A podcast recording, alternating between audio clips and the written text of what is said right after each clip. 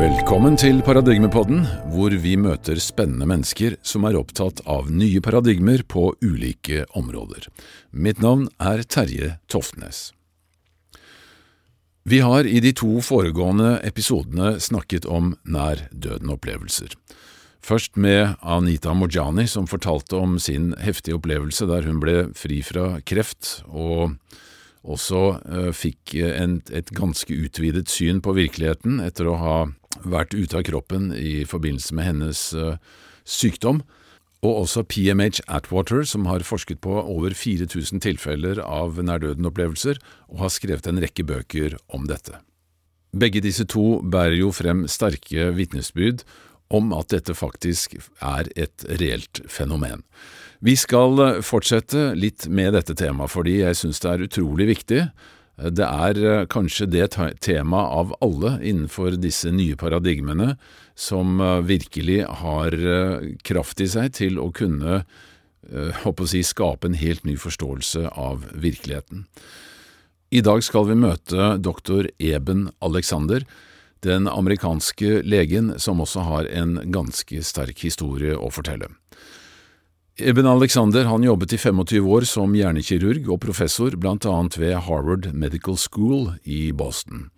I 2012 så havnet han på forsiden av Time Magazine fordi han som anerkjent og respektert lege fortalte om sin oppsiktsvekkende ut-av-kroppen-opplevelse.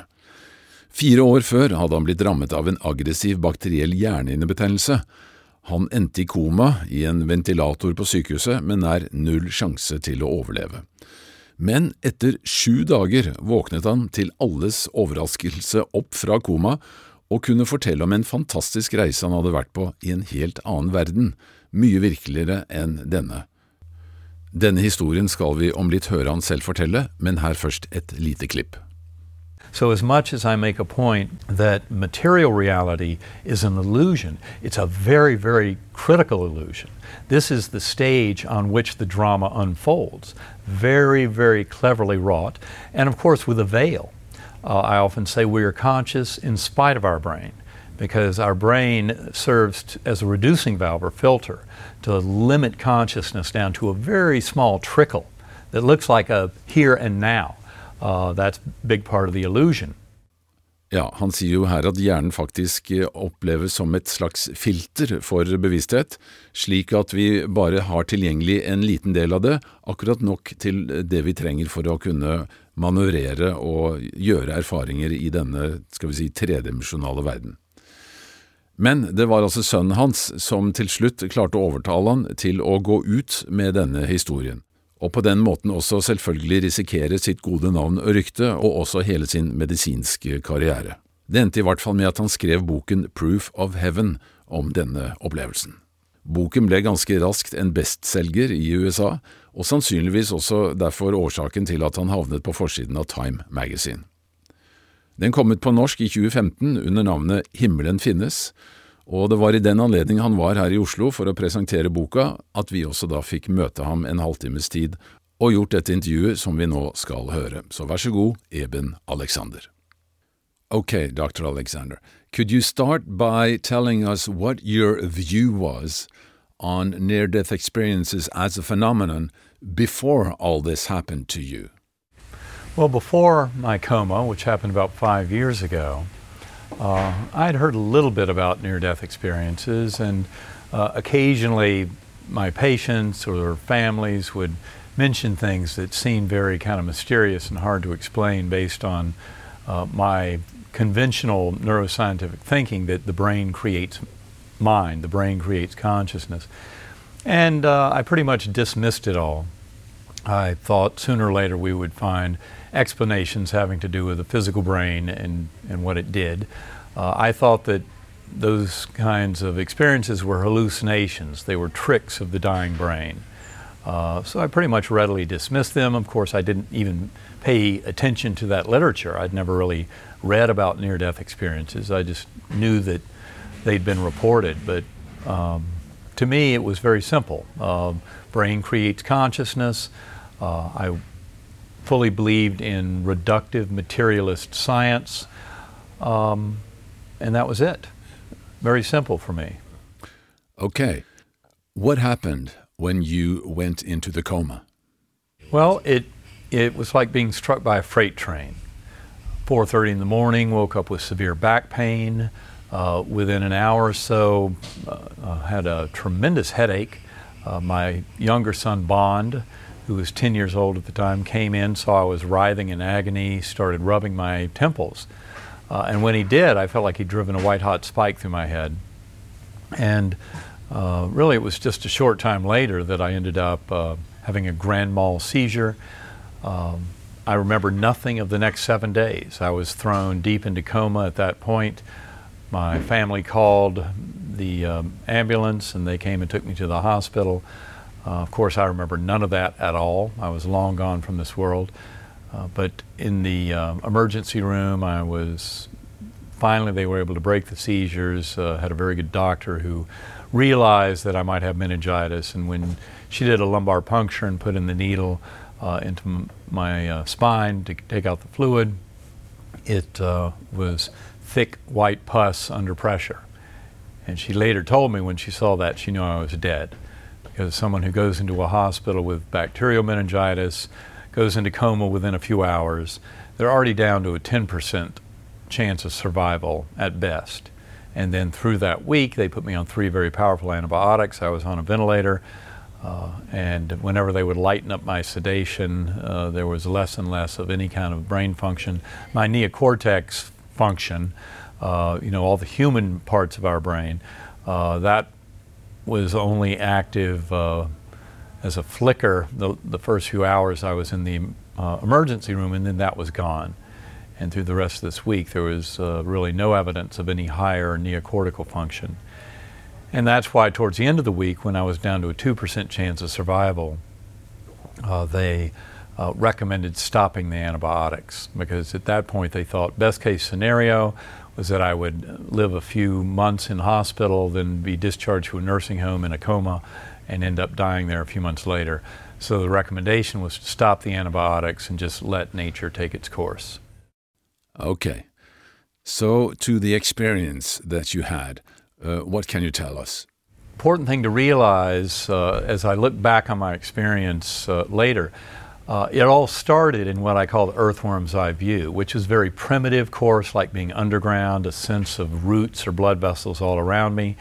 And in that realm, it was totally unresponsive. So even though all my memories of my life before, everything I ever knew about Eben Alexander, all my religious beliefs, all of my scientific knowing, everything about Earth, humans, all that was completely wiped out in the coma. And I attributed that, you know, in my analysis later to the fact that I had severe meningitis that had completely taken my neocortex, which would be responsible for any of those human memories of life, and destroyed it. And so, in that realm, it was very primitive and simple, unresponsive. But then I was rescued by this pure white light that came as a, a spinning light and a melody, a perfect musical melody. And that opened up like a portal up into this brilliant valley, uh, absolutely lush with life, with uh, uh, buds on trees and flowers blossoming. I remember rich textures and colors, colors beyond the rainbow, as all these flowers would open up.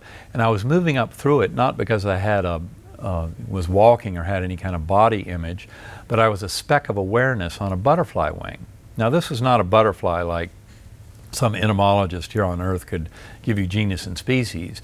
It's simply the best word I have for what was going on. You've got to remember, in that realm, it's so totally unique and more real than this world. And often the words that we have are very pale, do not do it justice at all. But butterfly is the best word I have for that. And there were millions of butterflies flying up through this valley. We would fly down into the lush greenery and beside me on the butterfly wing was a beautiful girl, uh, absolutely beautiful. I'll never forget her face, her clothing, the way she was sitting. And she never said a word, but her thoughts came straight into my awareness. You are loved and cherished dearly forever. There's nothing you can do wrong in this realm. Uh, you have nothing to fear. You will be taken care of.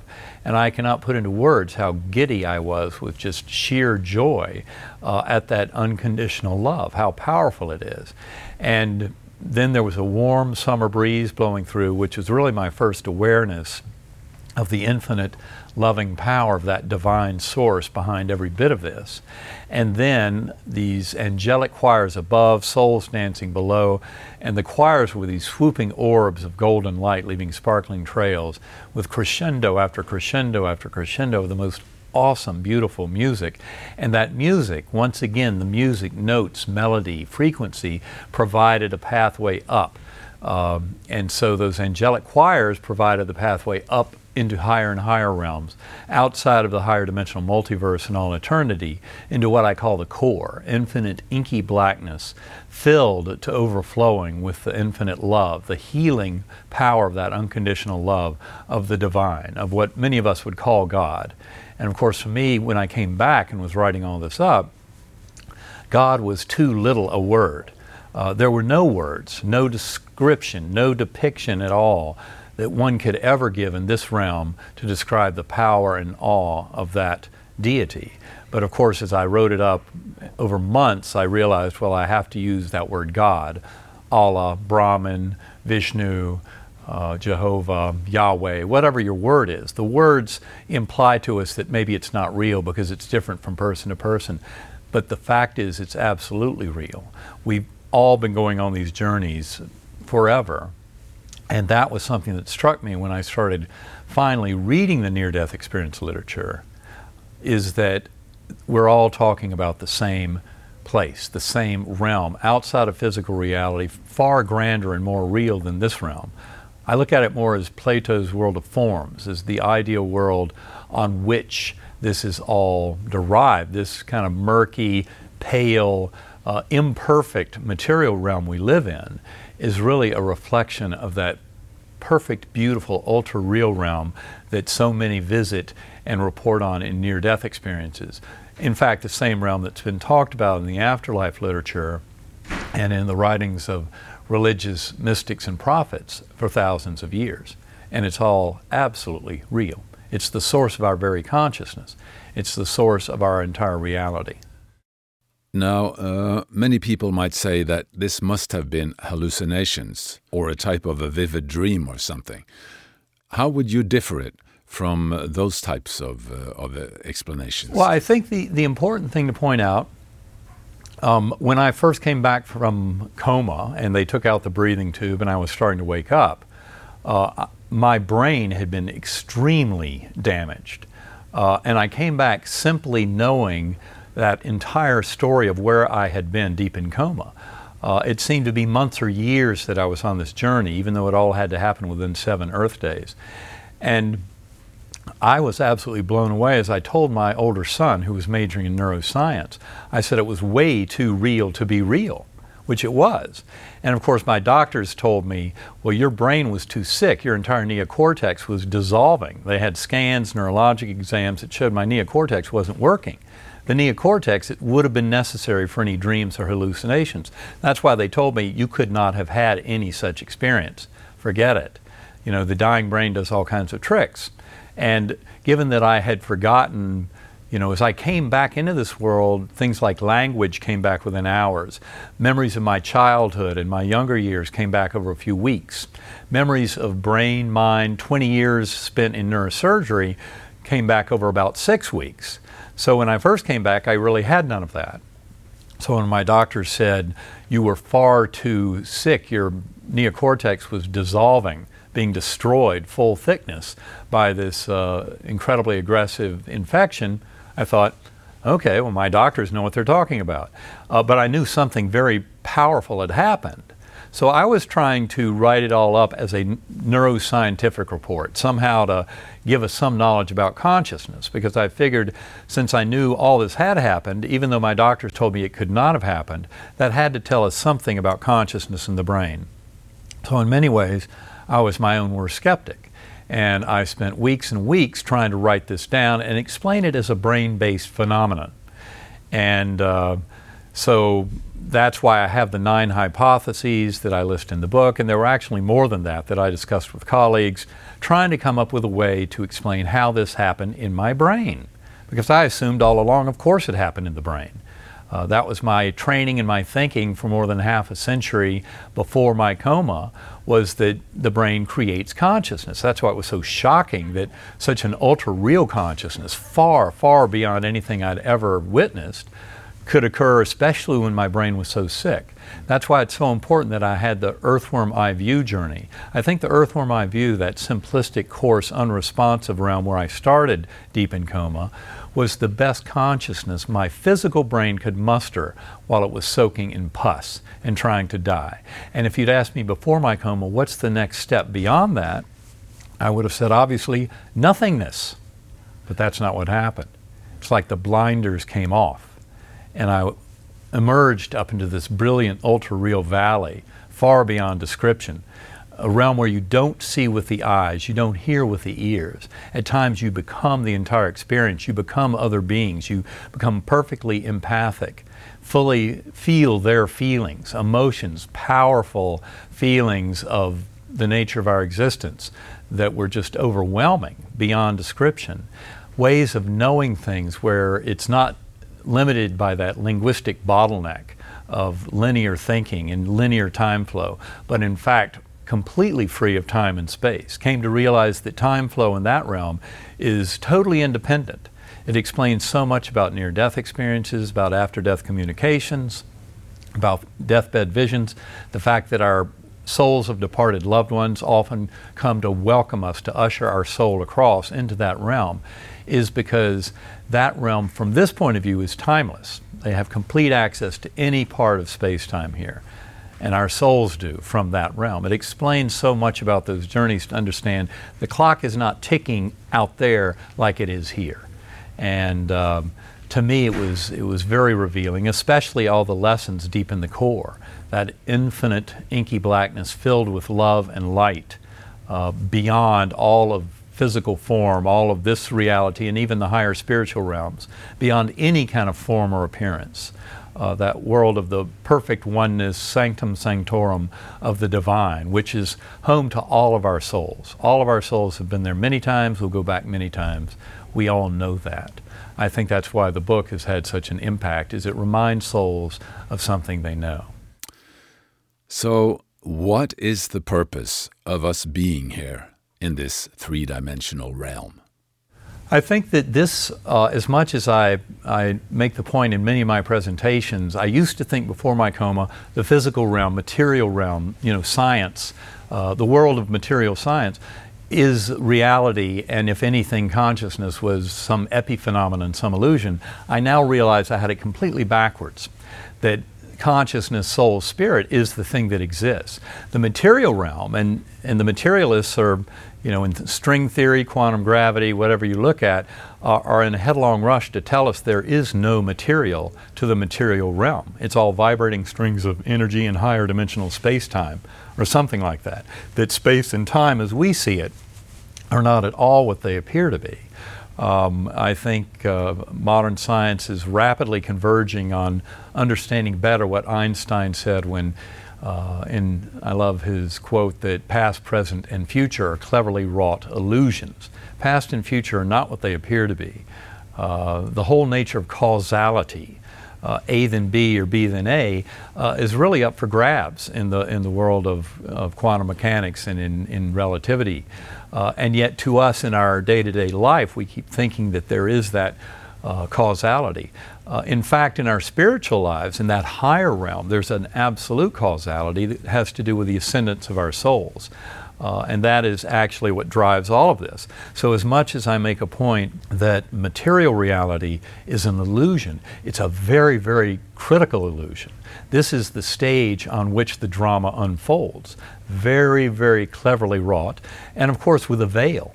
Uh, I often say we are conscious in spite of our brain because our brain serves t- as a reducing valve or filter to limit consciousness down to a very small trickle that looks like a here and now. Uh, that's a big part of the illusion.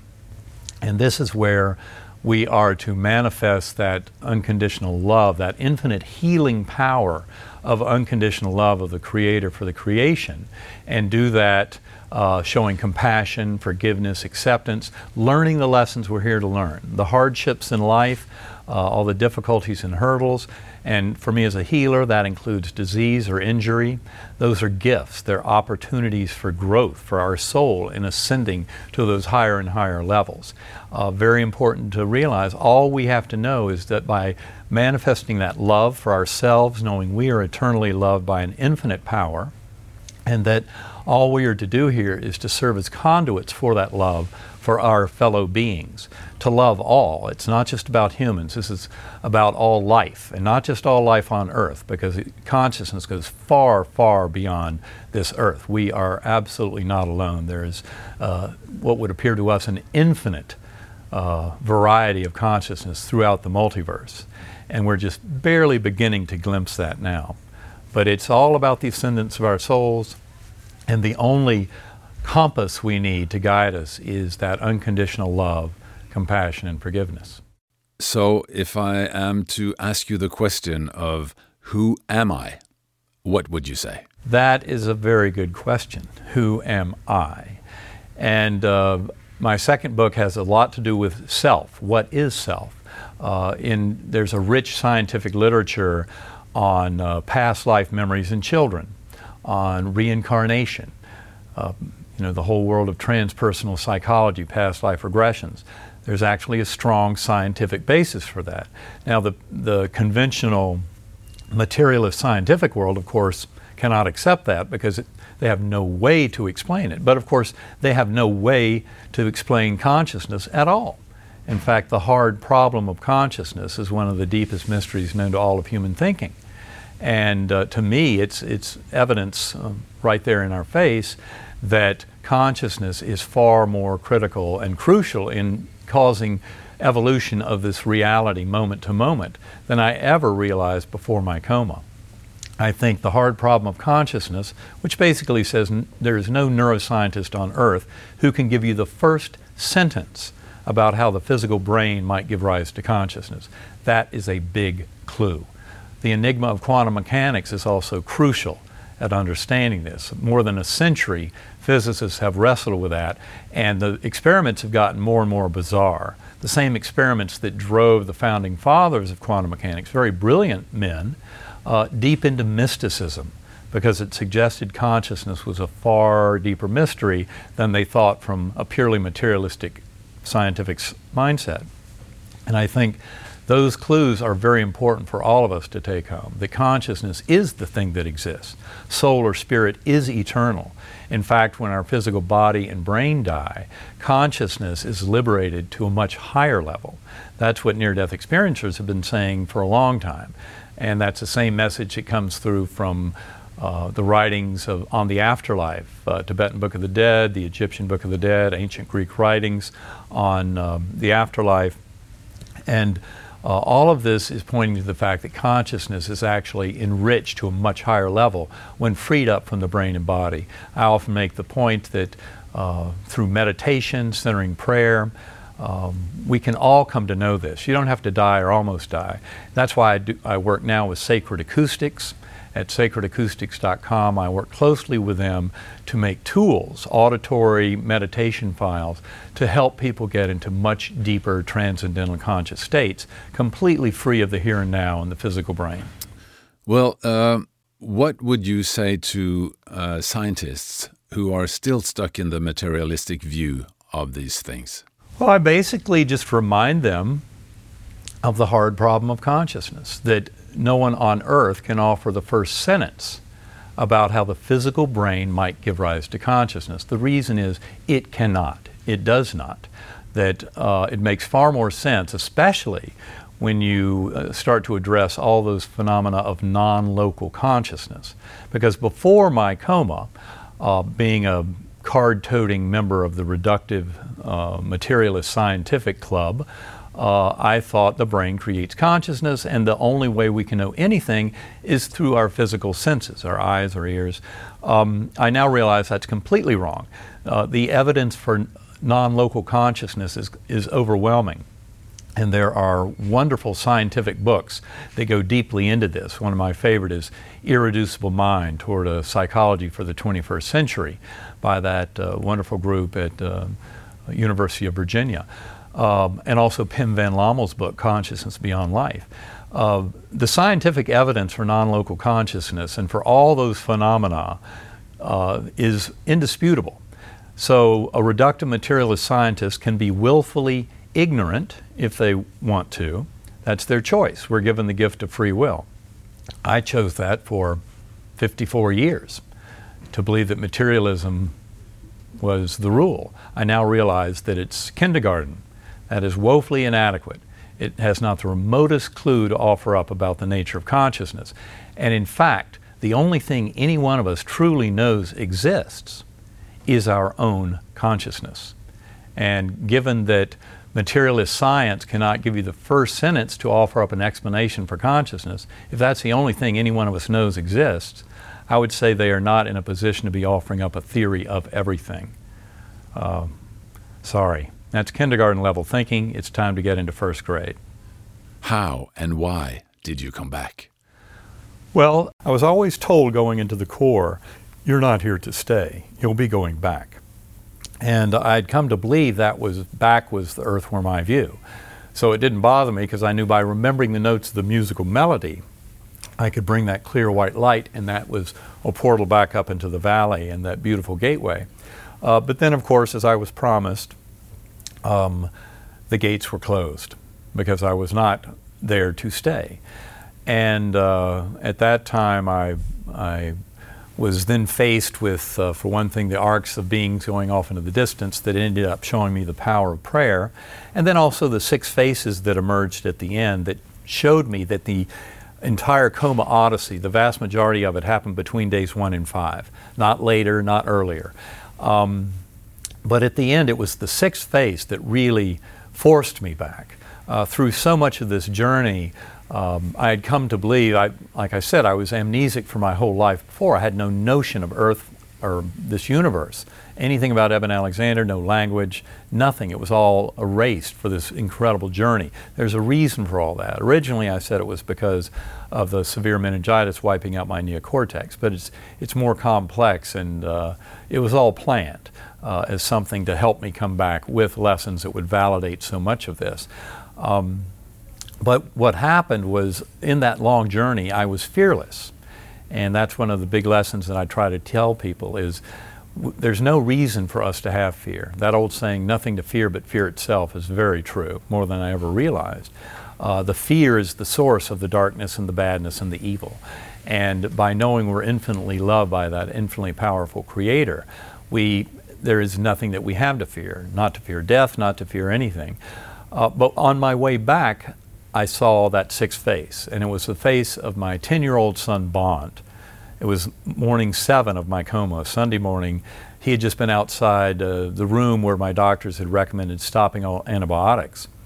And it was at that point that he came running into my room. I was still on the ventilator in the ICU. He pulled open my eyelids and he was going, Daddy, you're going to be okay. Daddy, you're going to be okay. And I promise you, I did not see him with my eyes or hear him with my ears because I was far too far away from this world for that to happen. But spiritually, I sensed it all the way through, and I knew I had to come back for him. And so it was really my love for him, even though I did not know who he was at the time. But I felt that very deep connection with my 10 year old son, Bond.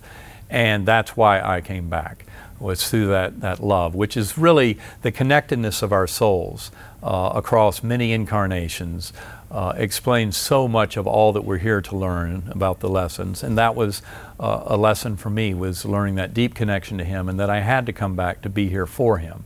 And of course, since then, it's been an incredible journey of learning and of trying to make sense of this. And I'm sure that uh, I'll spend the rest of my physical lifetime and not understand it all, but that's fine. It's all about the journey. And we'll have many incarnations to learn more and more and to ascend. So I'll put it all to good use. But are you still able to contact that realm? Oh, yes. I, I get back into that realm frequently. And in fact, a lot of my journey in trying to understand more and more of all of this existence has to do with meditating. I meditate two or three hours a day. That's why I do the work with Sacred Acoustics. Uh, I work closely with Kevin Cossie and Karen Newell at Sacred Acoustics uh, in developing these audio meditations that are extremely powerful. Uh, I mentioned that a little bit in the book uh, towards the end about Robert Monroe and the out of body work, the Monroe Institute, uh, hemispheric synchronization, and the work with sacred acoustics just goes way beyond that. It takes all of that kind of work, but to a much higher level. So, uh, one last question Are the religions all wrong? No, I think religions are all right. That's the important thing is no one religion is right uh, I came back knowing that that God, that infinitely loving, infinitely powerful God, beyond all description of any words, um, that God is absolutely real at the core of each and every one of our consciousness, at the core of the entire universe, driving every bit of this. But God loves us so much as to give us free will. That God loves Christians, Jews, Muslims, Buddhists, Hindus, atheists, skeptics, bloggers. That God loves all. So, uh, in that sense, religions are very right, but they shouldn't be trying to say they're the only right one, because that is wrong. That's man made, dysfunctional human thinking, trying to control other humans. But in fact, at the core, to the extent that religions are all about our oneness, how we're here for each other, all souls are in this together, and it's about all life, then that extent of that religion is right. Thank you so much. Thank you. Jeg må tilføye noen ord i etterkant av dette. Altså, denne opplevelsen til dr. Alexander endret livet hans fullstendig, som han sier. Vissheten om at bevisstheten din, eller jeg-essensen, overlever døden og er en del av en større, kjærlighetsfylt helhet, er så gjennomgripende at det endrer hele forholdet til livet, til andre mennesker, og selvfølgelig også til alle dyr og planter og ja, alt levende, alt liv. Dette er noe man hører igjen og igjen fra folk som har slike opplevelser. Eben Alexander har i ettertid skrevet mye om dette, blant annet i to følgende bøker, og er blitt en dedikert ambassadør for denne utvidede virkelighetsforståelsen. Han har også gitt utallige intervjuer og holdt en mengde foredrag verden over. Bakgrunnen hans som lege og hjernekirurg har vel også gitt han en kredibilitet som har vært nyttig i så måte. Mer om han finner du på ebenalexander.com.